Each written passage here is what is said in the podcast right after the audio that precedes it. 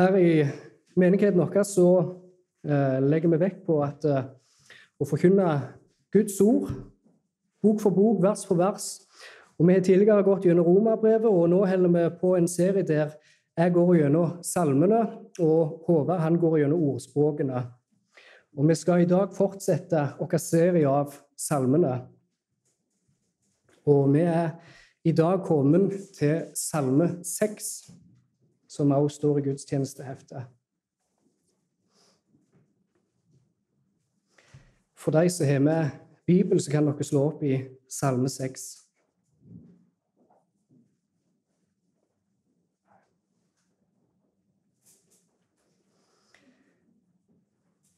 Hør Herrens ord til sangmesteren med strenge instrumenter på en åttestrenget harpe, en salme av David. Herre, straff meg ikke i din vrede, og tok meg ikke i din harme. Vær meg nådig, Herre, for jeg er svak. Herre, leg meg, for mine bein fortæres av angst. Også min sjel er grepet av dyp angst. Men du, Herre, hvor lenge? Vend tilbake, Herre. Utfri min sjel, Frels meg for din miskunnhets skyld, for i døden finnes vel ikke noe minne om deg. Hvem kan prise deg i dødsriket? Jeg er trett av mine sukk. Hele natten gjør jeg mitt leie vått, idet jeg gjennomveter det med mine tårer. Mitt, mitt øye tæres bort av sorg. Det sløves på grunn av alle mine fiender. Gå bort fra meg, alle dere som gjør urett, for Herren har hørt lyden av min gråt. Herren har hørt min inderlige bønn. Herren vil ta imot min bønn. Må alle mine fiender bli til skamme og gripes av stor angst. Må de vende tilbake og straks bli til skamme. Så langt lesing av Guds ord.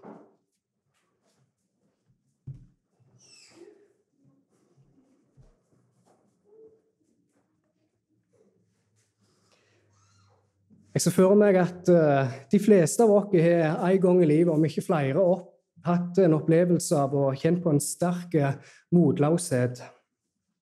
Du er akkurat kommet hjem fra en ferie som gjerne koster deg noen tusenlapper, og så må du plutselig sende bilen din på fiks. Og så ender du opp med å få ei regning på over 20 000 som gjør bare alt verre. Noen kjenner gjerne på en motløshet når de gjør seg klar til å gå på skole, for de gruer seg. Andre kjenner på en motløshet bare med å skru på nyhetene på fjernsynet og se at det bare er en dårlig nyhet etter en annen. Det er mange ting i dag som gjør at eh, vi kan bli motløse og leie oss. Ofte så er fellesnevneren for dette at det er noe utfører oss som er årsaken til dette. Og Salme 6, som vi skal gå gjennom i dag, det er en salme der motløshet er et tema. Forskjellen her er bare, som vi skal se, at det er ikke noe utfører oss sjøl som forårsaker denne motløsheten, men det er oss sjøl.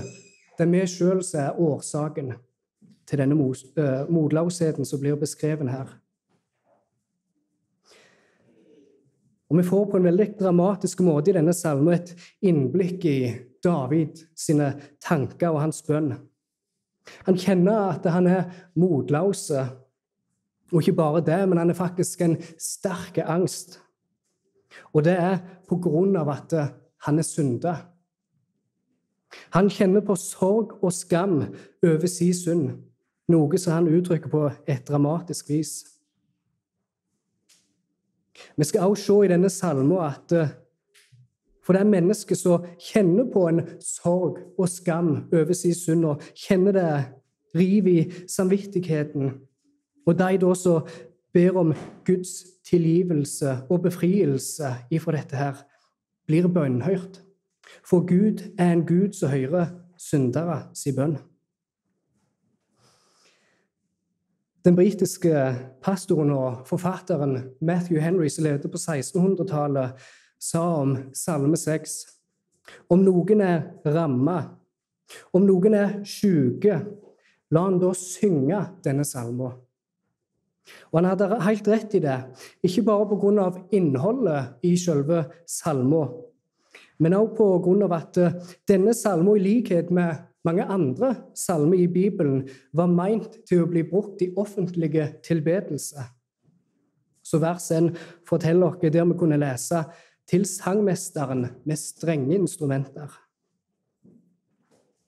Og Det er en nokså uvanlig tanke for oss i dag at ei salme med et så dramatisk språk og gjerne med et så dystert tema faktisk var meint for at eh, Guds folk skulle synge det. Men Gud han vil lære oss eh, gjennom denne salmen hvordan vi skal synge og hvordan vi skal be. Vi forstår i forbegynnelsen av denne salmen at David han er synde.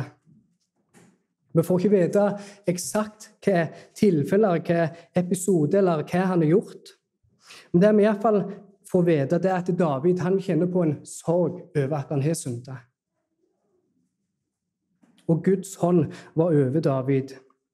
Og Det er ikke sånn at han bare nevner det i en forbisetning at han synder og at han kjenner på dette, her, men han bruker store deler av hele denne salmen til å uttrykke sin sorg. David han vet at uh, han er synder, og at uh, dette fortjener straff. For han vet at Gud er en rettferdig dommer. Likevel så lukker han ikke moen sin, men han ber Gud om å være tilbakeholden. Han ber Gud om å ikke straffe han eller være sint på han. Han ber Gud om ikke legge enda mer på han, for David kjenner allerede tyngden uh, av sin skyld som vi kunne lese i vers, eh, vers 3. Vær meg nådig, Herre, for jeg er svak. Og Herre, leg meg, for mine bein fortæres av angst. Og vi kunne lese i vers 4 at eh, også min sjel er grepet av dyp angst. David kjenner på denne angsten på grunn av at han er synda imot en tre ganger hellige Gud. Som vi sang i dag Hellig, hellig, hellig. Og dette fikk så store konsekvenser for David at han kjente det fysisk, og han kjente det psykisk. Hele kroppen hans kjente på dette her. Og Denne fortvilelsen som David kjenner på, blir helst toppa med det som vi kan lese i vers 7 og 8, der det står at 'Jeg er trett av mine sukk'. Hele natten gjør jeg mitt leie bort idet jeg gjennomveter det med mine tårer. Mitt øye tæres bort av sorg. Det sløves på grunn av alle mine fiender.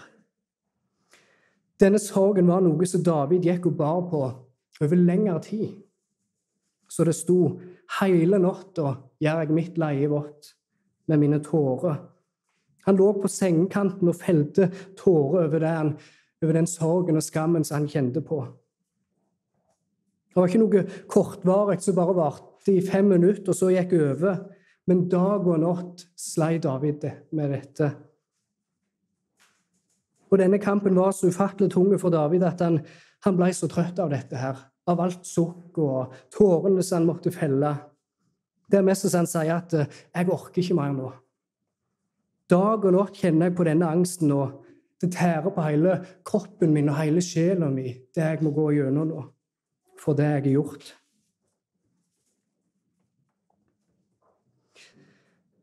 Som allerede nevnt, så vet vi ikke den eksakte episoden det er snakk om her, om hva David hadde gjort. Men vi kan vite ut ifra historiene om David, ut ifra første og andre Samuels bok, og spesielt andre Samuels bok. Og vi kan se der at eh, selv om David han var, salv, han var utvalgt av Gud til å være konge i Israel. Han var salva av profeten Samuel, og han blir beskrevet som en, Guds, nei, som en mann etter Guds hjerte. Men likevel så var David et menneske i stand til å synde. Og Vi har en kjent historie fra 2. Samuels bok, kapittel 11, der David får øye på ei flott dame som han vil ha for seg sjøl. Problemet er bare at uh, hun her var gift med en annen. Hun var ikke gift med en hvem som helst. Hun var gift med Uria, som var en av Davids mest betrodde soldater. Så for at David skulle få hun her, Batseba, som hun heter. Så sørger David for at eh, Uria han blir sett fremderst i rekka i striden, sånn at han skulle dø. Og sånn gikk det med Uria. Han ble satt fremst i kampen, og han døde i kamp, sånn at David kunne ta hun til seg. Vi leser et kapittel senere i 2. Samuels bok, i kapittel 12, som er noen så er en god stund etter at David har gjort denne synda.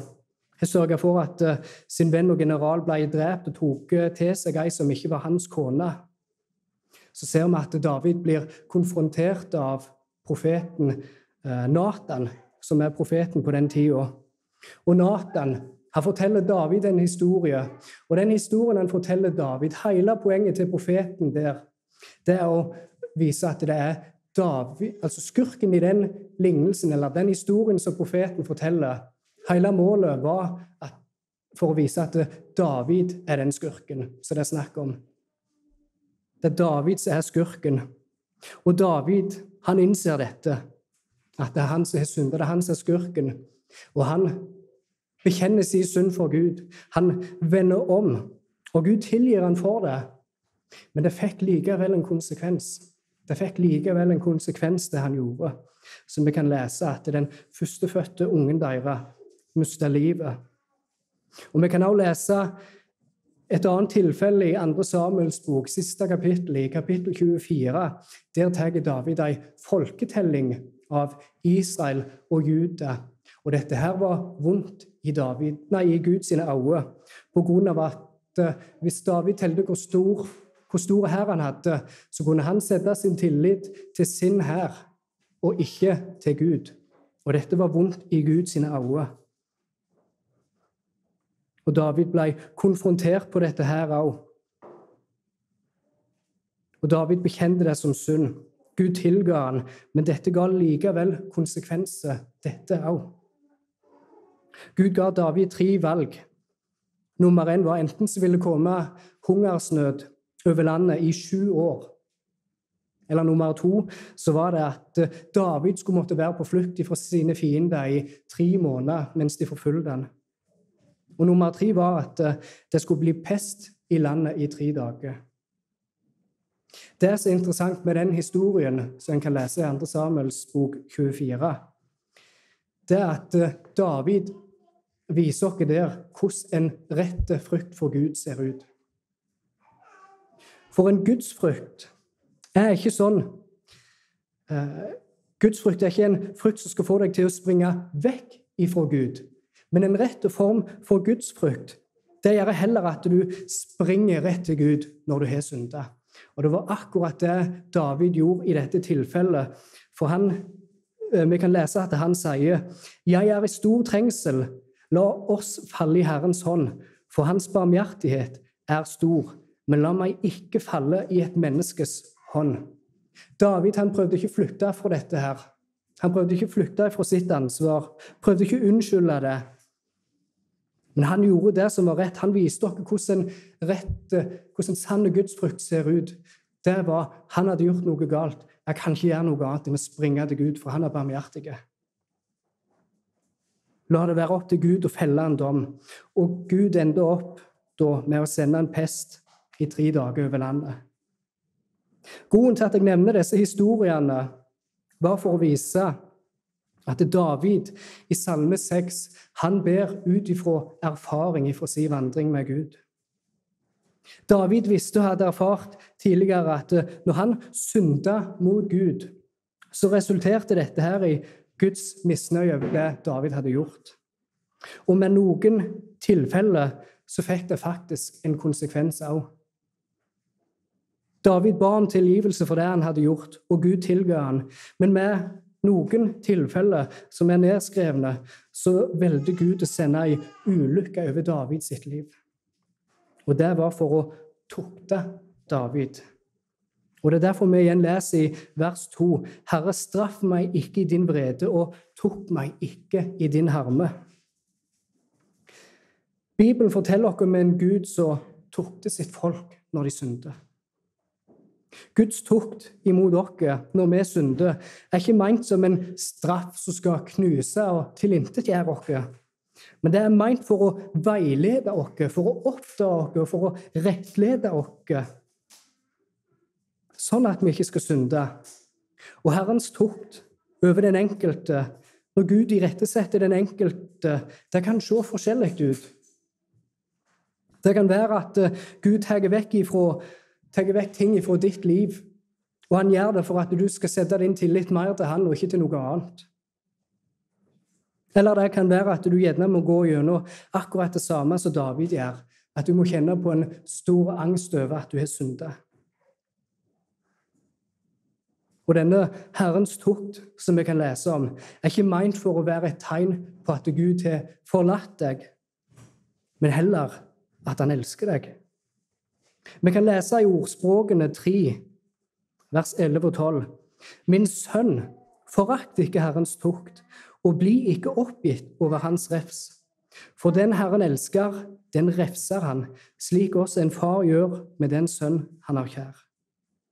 Og Vi kan også lese i Johannes' åpenbaring i kapittel 3, sendebrevet til menigheten i Laudikea, der det var et stort problem med mange lunkne kristne. Og det står der at alle dem jeg elsker, dem refser og tukter jeg. Vær derfor nidkjær og omvend deg. Jeg vil også, mens vi er på dette temaet, at for dere som har med Bibler, så kan dere være med meg til Hebreabrevet kapittel 12.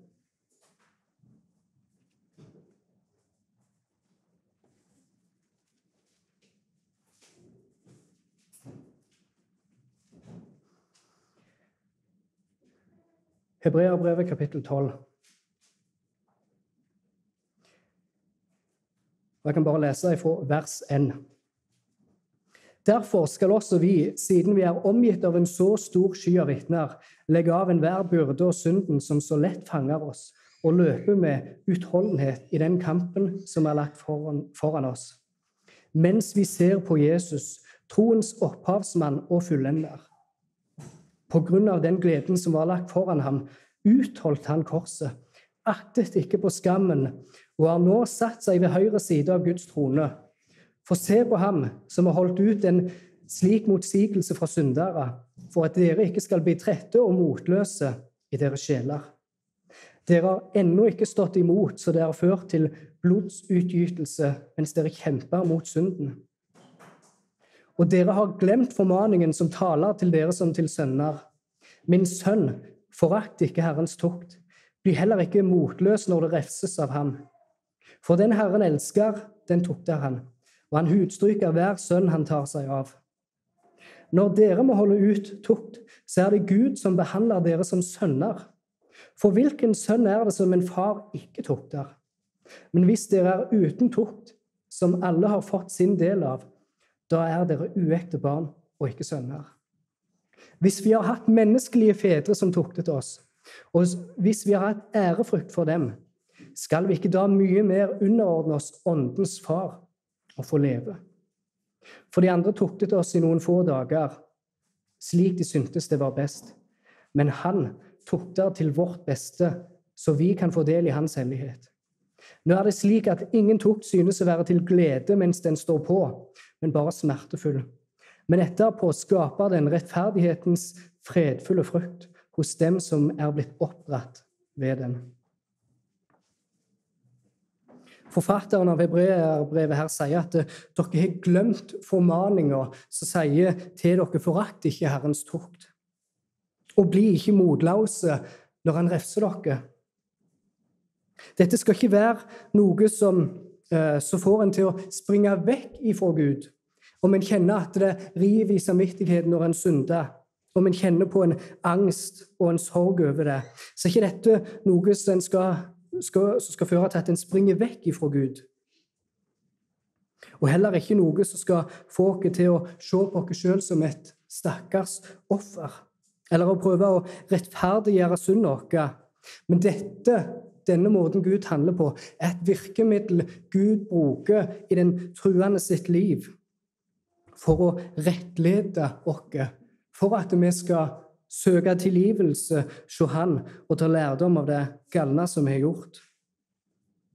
Og Forfatteren av Hebreabrevet han prøver å illustrere dette med å ta et eksempel på et jordisk far-sønn-forhold. For hvilken far er det Hvilken sønn er det som en far ikke tukter, sier forfatteren. Hvis en unge i heimen din har vært frekk mot en av sine søsken eller ikke vist respekt imot mor eller far, da tar jo du som en far og irettesetter den ungen og sier at sånn, sånn, skal du ikke gjøre.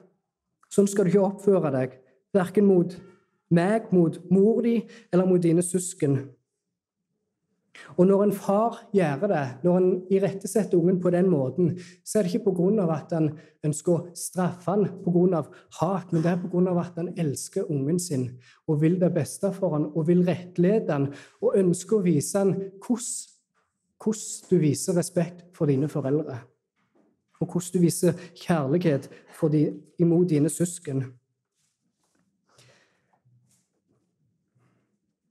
Og hvis vi da, sier forfatteren, eh, når vi da blir irettesett av våre menneskelige fedre, og når vi da hadde respekt for dem, hvor mye mer ærefrykt skal vi ikke da ha for vår himmelske Far? Når en opplever dette å bli tuktet av Gud, om det gjerne er å gå gjennom det samme som David beskriver i denne salmen, med angst og sorg over sin, over sin synd, så er det hardt, og det er tungt når det står på. Og du kan gjerne spørre det samme som David gjør i Salme 6. Hvor lenge? Hvor lenge må jeg gå gjennom dette her? Hvor lenge må dette her stå på? Hvor lenge må jeg kalle ut denne smerten? Så er ofte svaret mye lenger enn vi ønsker, men kortere enn vi frykter. Midt i denne trengselen for David så er han et godt forbilde for oss. For han venner seg til Gud. Han er ikke så tynget av denne sorgen og skammen og syndeskylden at han bare gir opp og prøver å finne trøst i noe annet. Han prøver ikke å flykte fra Gud for å unnslippe dette, men han søker Gud og ber Gud om utfrielse fra dette her, og han sier til Gud, 'Vend tilbake, Herre. Utfri min sjel. Frels, frels meg for din miskunnhet', som vi kan lese i, i eh, Salme 6. David sier, 'Vend tilbake'. Bibelen lærer oss at Gud han er allestedsnærværende. Så på en måte kan han ikke vende tilbake. Men som en metafor så kan Gud ta vekk sine velsignelser ifra oss. Og det er dette David antar, og det er dette David har i tankene når han ber Gud om å vende tilbake. Ikke ta vekk dine velsignelser fra mitt liv, men vend tilbake. Og når vi leser når vi leser vers 6, så kan jeg ikke noe annet enn å være imponert over Davids fokus når han er tross alt midt i den smerten som han står i. For det står at eh, for i døden finnes vel ikke noe minne om deg. Hvem kan prise deg i dødsriket? Altså, midt i den hardeste kampen som David står midt oppi, noe som får utslag på hele kroppen hans, både innvendig og utvendig. Noe som gjør at han ikke får sove, men bare griner så er likevel hans fokus på Guds ære. Det fins ikke noe minne om Gud i døden, om hans trofasthet, hans kjærlighet og godhet. Det er ingen som kan minnes og huske Gud, og det er ingen som kan prise han i dødsriket. Det er mest som om David mest frykter litt for livet sitt og sier 'Jeg vil ikke dø nå'. Jeg vil ikke dø. For jeg ønsker å kunne være med i koret som skal prise deg i all evighet, Gud. Og Det er derfor han ber Gud om å vende tilbake fort og tilgi han for det han har gjort. David ønsker å kunne være med i lovsangskoret som skal tilbe Gud, og prise han i all evighet. Når vi leser denne salmen, med den ganske brutale beskrivelsen av hvor tungt dette lå på David, og hans sorg over sin synd, At denne angsten var noe som gjennomsyra hele kroppen hans, psykisk og fysisk. Så må jeg si, i hvert fall for min egen del, at det samme hvor dramatisk dette er, så er det vanskelig for meg å klare å ta inn over meg og fatte hvor hardt dette må ha vært for David. Guds hånd var over ham på grunn av at han hadde synda. David er her et objekt for Herrens tukt. Og som vi leste fra Hebreerbrevet, når Herrens tukt står på, så, er, det hardt, og det er tungt. Og vi ber Gud om å befri oss ifra dette her. Og det kan oppleves som en evighet. Og en er redd for at Gud ikke hører bønnen vår. Vi er redd for at bønnen ikke går lenger enn ut av moen opp til taket, og ikke lenger. Men som jeg sa tidligere Smerten som vi kan oppleve med at eh, Herrens hånd er over oss.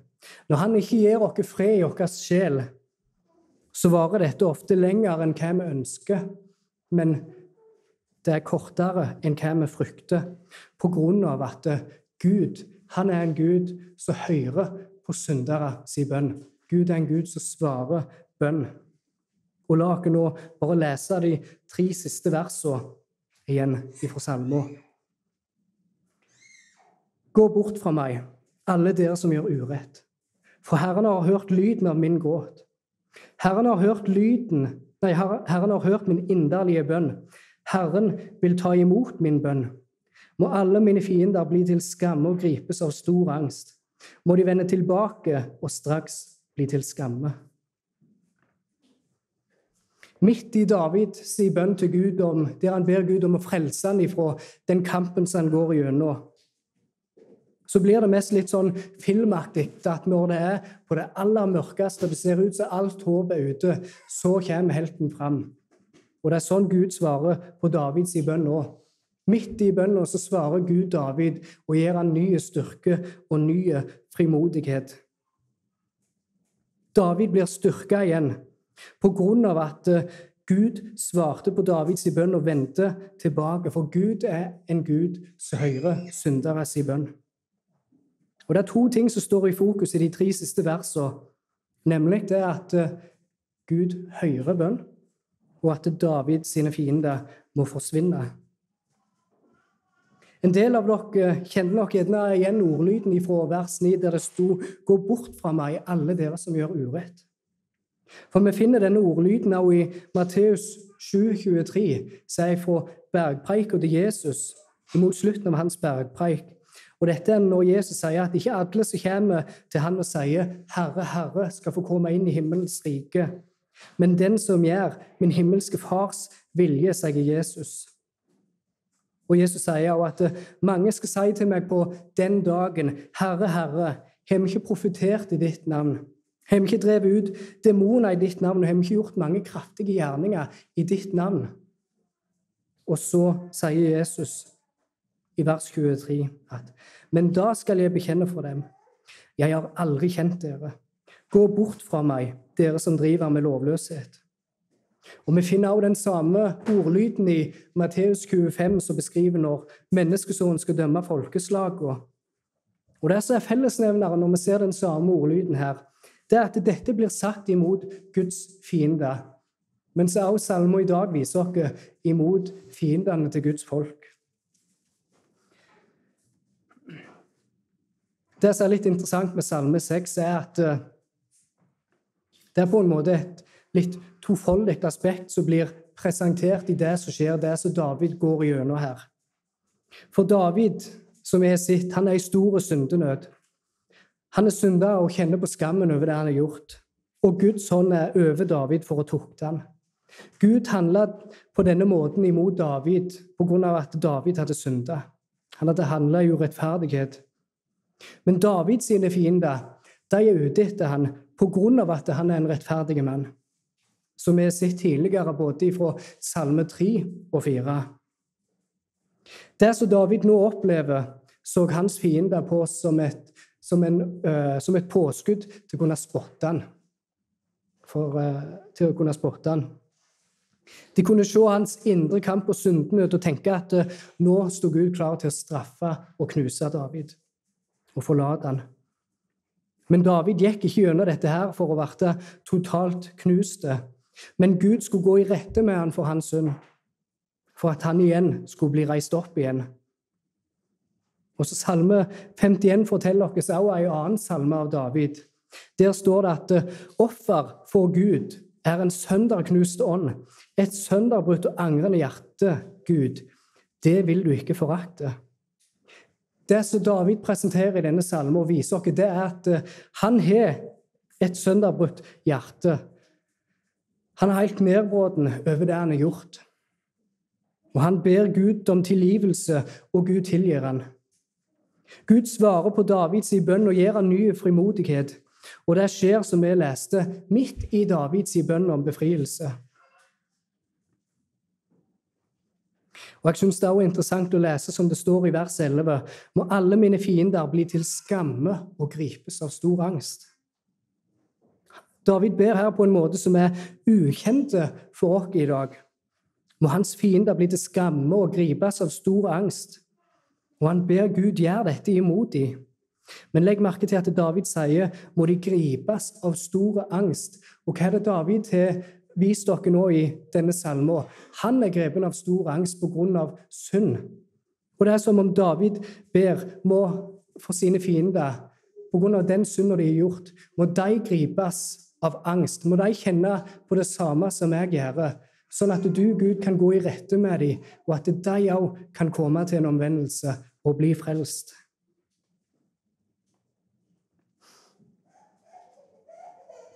Det er som om David her ber for sine fiender, ikke om at de skal bli knust, men om at de òg skal komme til erkjennelse av sin synd, og at de skal komme til tro på Gud. Noe som denne salmen lærer oss, som mange andre, er at den lærer oss hvordan vi skal be. Salme 6 lærer oss å be Gud om å gripe inn i vårt liv og redde oss ifra ifra harde situasjoner. Og Vi tenker gjerne av og til at det mest gudfryktige av oss å gjøre når vi ber Gud eh, om å gripe inn i vårt liv, det er at vi slenger på en 'la din vilje skje'. Og vi har bare lært dere til å tenke at det er jo aldri Guds vilje å gripe inn. Men det er Guds vilje. Gud elsker å gripe inn i, i de situasjonene som ser helt umulige ut å kunne komme noe godt ut av. Gud er en Gud som elsker å svare bønn til syndere. Gud elsker å frelse mennesker som har lagd et vrak av sine egne liv. Og den som har ei knust ånd og et angrende hjerte, den er velkommen til å komme til Gud. Som kunne lese i Salme 51. Det er noe som Gud har, har behag i. Det er et offer som Gud har behag i. Et knust hjerte og et angrende hjerte. Jeg vil også til slutt trekke fram en annen viktig ting som Salme 6 lærer oss. Og det er at eh, denne salmen lærer oss noe både om synd og rettferdighet. Og det lærer oss det at både synd og rettferdighet påfører både glede og smerte.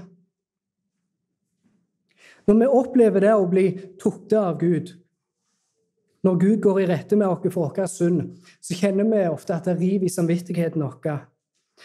For det gjør vondt når vi synder.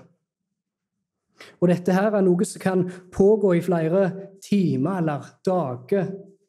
Gjerne sånn som David, dag og natt. Men etterpå så skaper dette rettferdighetens fredfulle frukt, som vi leste tidligere fra Hebreerbrevet.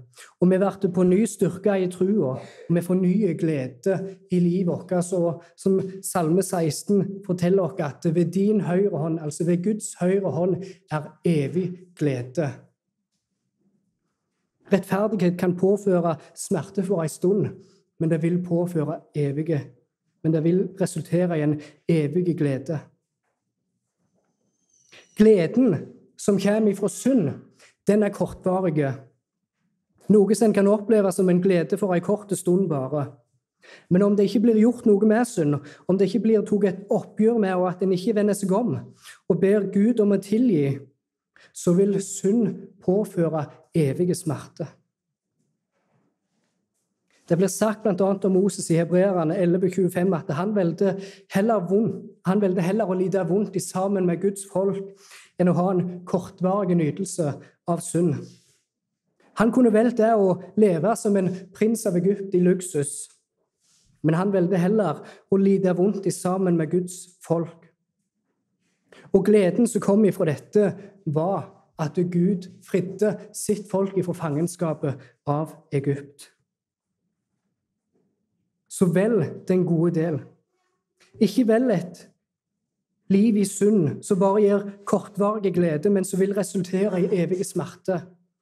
Vel heller som Moses å lide vondt og om du lider vondt, om du opplever å kjenne på det som David har beskrevet her i Salme 6, om du opplever at Gud går i rette med deg, om du opplever at det river i samvittigheten din, så forakt deg ikke. Ikke forakte. Dette er Guds måte på å prøve å bringe oss nærmere til Han. At vi, når vi er midt, midt i vårt mørkeste, så skal vi kunne lufte vårt blikk og se opp til Gud, som er klar til å frelse og fri oss ifra den smerten. For Gud er en Gud som hører synderes i bønn, og Gud elsker å bringe frelse til de som har, de som har lagt vrak av sine egne liv.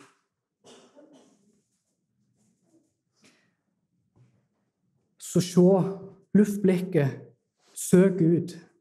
Stol på Han for din frelse. Amen.